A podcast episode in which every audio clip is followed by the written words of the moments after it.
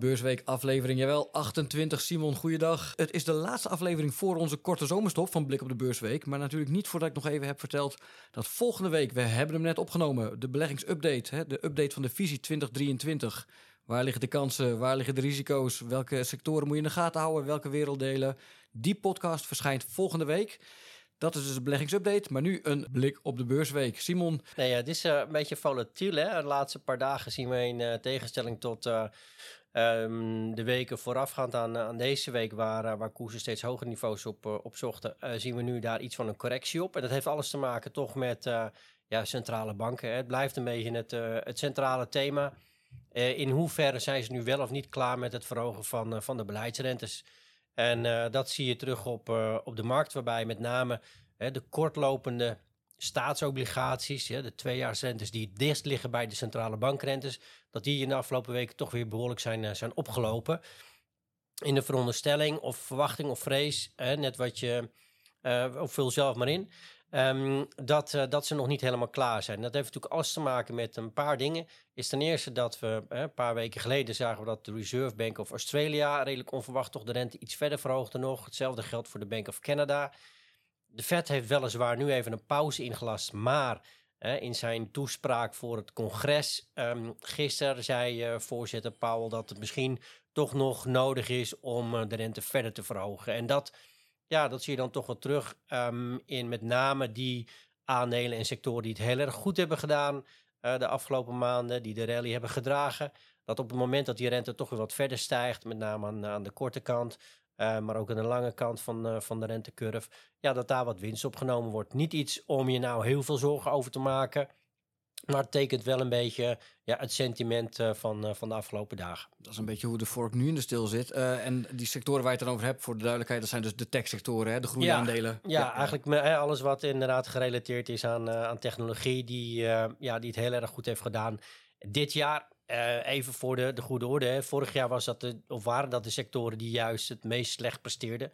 Uh, en daar nu een correctie op, uh, op laten zien. Uh, en eigenlijk ook niet veel meer dan dat. Hè. Dus ja, het ziet er heel mooi uit. Maar als je het wat breder trekt over een periode van twee jaar. Ja, is er nog maar nauwelijks sprake van, van koersherstel. Ja, maar ik begrijp uit jouw woorden wel inderdaad van hè, de Fed. Om daar even naar te kijken. Die kan dus inderdaad hè, de meerdere renteverhogingen. Daar zit er misschien wel in. Maar ja, ik, ik, ik, ik, ik bespeur geen, geen paniek nee, bij jou. Of nee, geen... zeker niet. Want kijk, zo'n Jerome Powell als baas van de Fed kan natuurlijk moeilijk zeggen van ja, we denken eraan om uh, echt te gaan stoppen en te gaan verlagen. Want uh, het risico wat je daarmee dan gaat krijgen is dat de markt, oftewel beleggers, dan alweer een renteverlaging gaan inprijzen. En dat wilde hij eigenlijk niet, hè, want de inflatie is nog boven de doelstelling.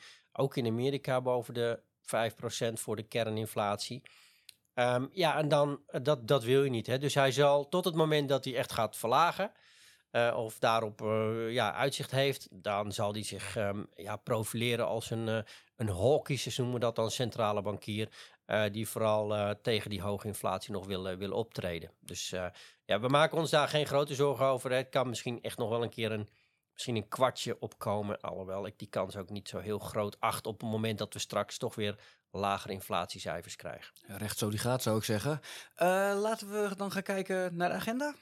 Ja, ik denk dat het goed is om uh, toch even weer wat belangrijke punten aan te duiden. Um, deze wordt morgenochtend geplaatst, dus dan hebben we al uh, eventjes wat inkoopmanagers indices gehad.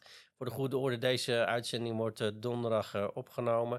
Um, en hebben we het over de inkoopmanagers indices van de eurozone, dan voorlopige cijfers. En als ik dan kijk naar bijvoorbeeld de composite index, dat is een samengestelde index van de diensten en de productiesector dan wordt daar een hele lichte daling verwacht van 52,8 naar 52,5 punt.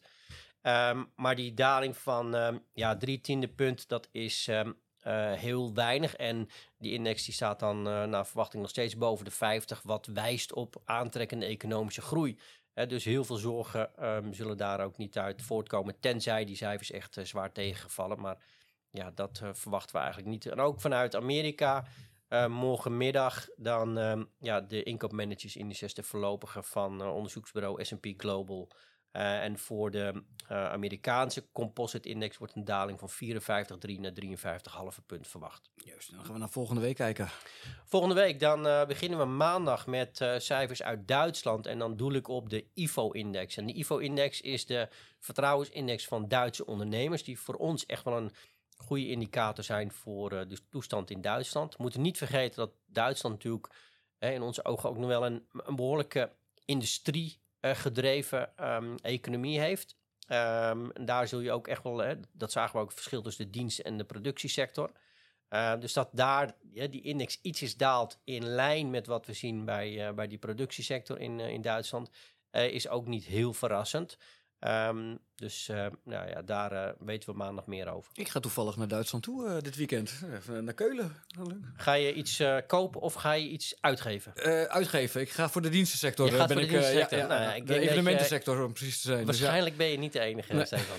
Uh, dan gaan we door naar, uh, naar de dinsdag. Want uh, op maandag is het voor de rest heel karig wat betreft cijfers. Dan denk ik dat we het hebben over de um, orders voor duurzame goederen. De voorlopige cijfers uit Amerika voor de maand mei.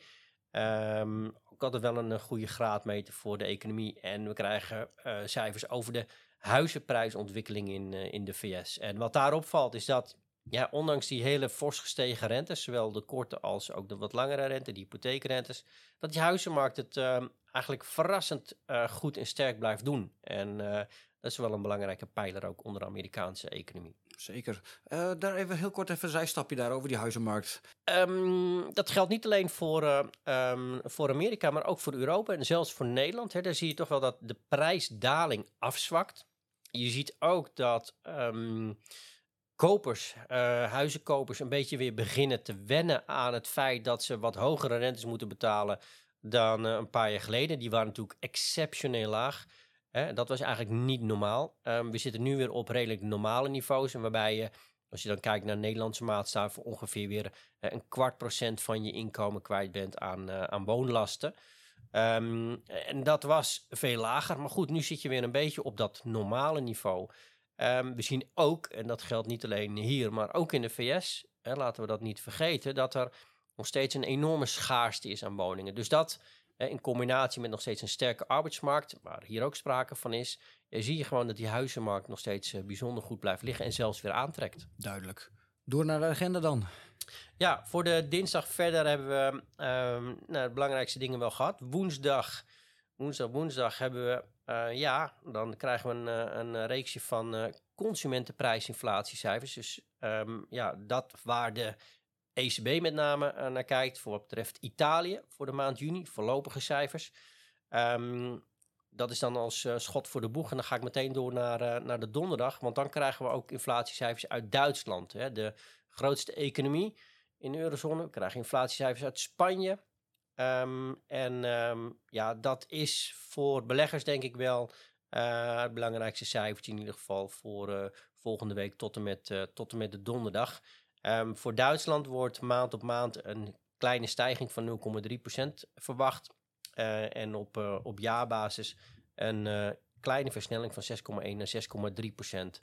Ja, dus um, ja, inkoopmanagersindices en uh, inflatiecijfers volgende week. Dat is uh, waar we op, uh, op gaan letten. Helemaal goed. Simon, dankjewel weer voor deze week. Hè, misschien tot volgende week en anders alvast een fijne vakantie. Niet vergeten, volgende week dus ook. Die komt sowieso uit de beleggingsupdate 2023. Daarin hoor je meer over de tweede helft van het jaar voor beleggers. Hè. Waar liggen de kansen, waar liggen de risico's, waar moet je op letten, welke sectoren, welke geografische gebieden. Dat is allemaal volgende week in de beleggingsupdate. Simon, nogmaals dank en tot de volgende.